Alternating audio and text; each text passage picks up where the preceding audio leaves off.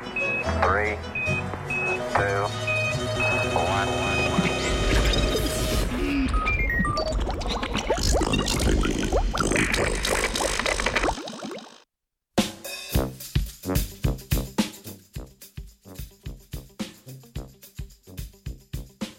Planet.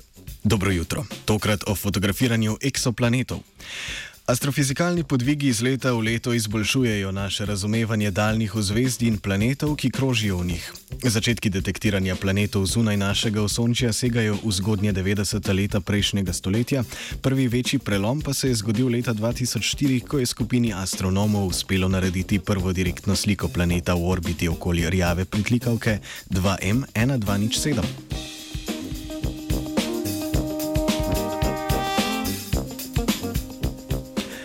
Na razdalji 200 svetlobnih let je zvezda 2M1207 Zemlji dovolj blizu, da lahko s pomočjo teleskopov, kot je zelo velik teleskop v lasti Evropske vesoljske agencije, te planete slikamo. Velika prednost pri fotografiranju zvezdnega sistema 2M1207 je poleg bližine zvezde tudi jakost njene svetlobe. Rjave pritlikavke so veliko manj svetle, kot je naprimer naše Sonce, zato je kontrast med svetilnostjo zvezde in osvetljenostjo planeta večji.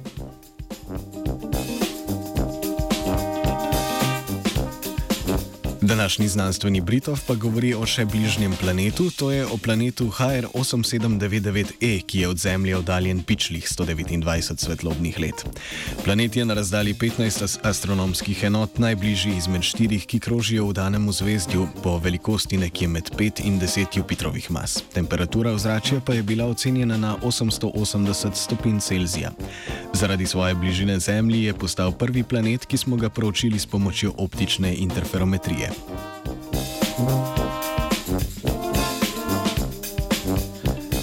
Optična interferometrija je fizikalna tehnika, ki s pomočjo leč in ogledala razcepi svetlobo in razširi svetlobne žarke, da lahko med sabo interferirajo ter tako pomaga pri proučevanju svetlobnih spektrov. Na podlagi absorpcijskih linij, temnih linij v različnih spektrih, lahko na to raziskovalci ugotovijo kemično sestavo eksoplanetov, z katerih se je svetloba odbila.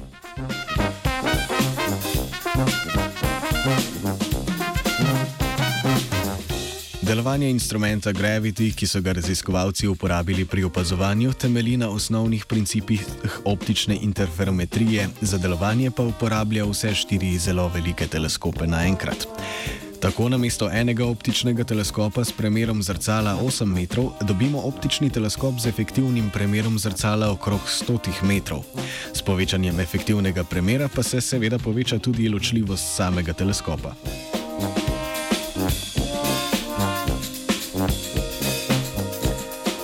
Zaradi tolikšnega izboljšanja resolucije so lahko znanstveniki izmerili veliko povečanje ogli oglikovega monoksida v atmosferi HR8799E, ki ga v kemičnem ravnovesju z metanom ne bi pričakovali. Z novimi podatki lahko znanstveniki tako izboljšajo svoje fizikalne modele za planete zunaj našega osončja, z večjo natančnostjo izmerijo kemično sestavo planeta in posledično natančneje napovejo maso planetov. Ekipa raziskovalcev tako načrtuje, da bo sistem HR8799 opazovala še dlje ter uporabila nove možnosti in metode optične interferometrije.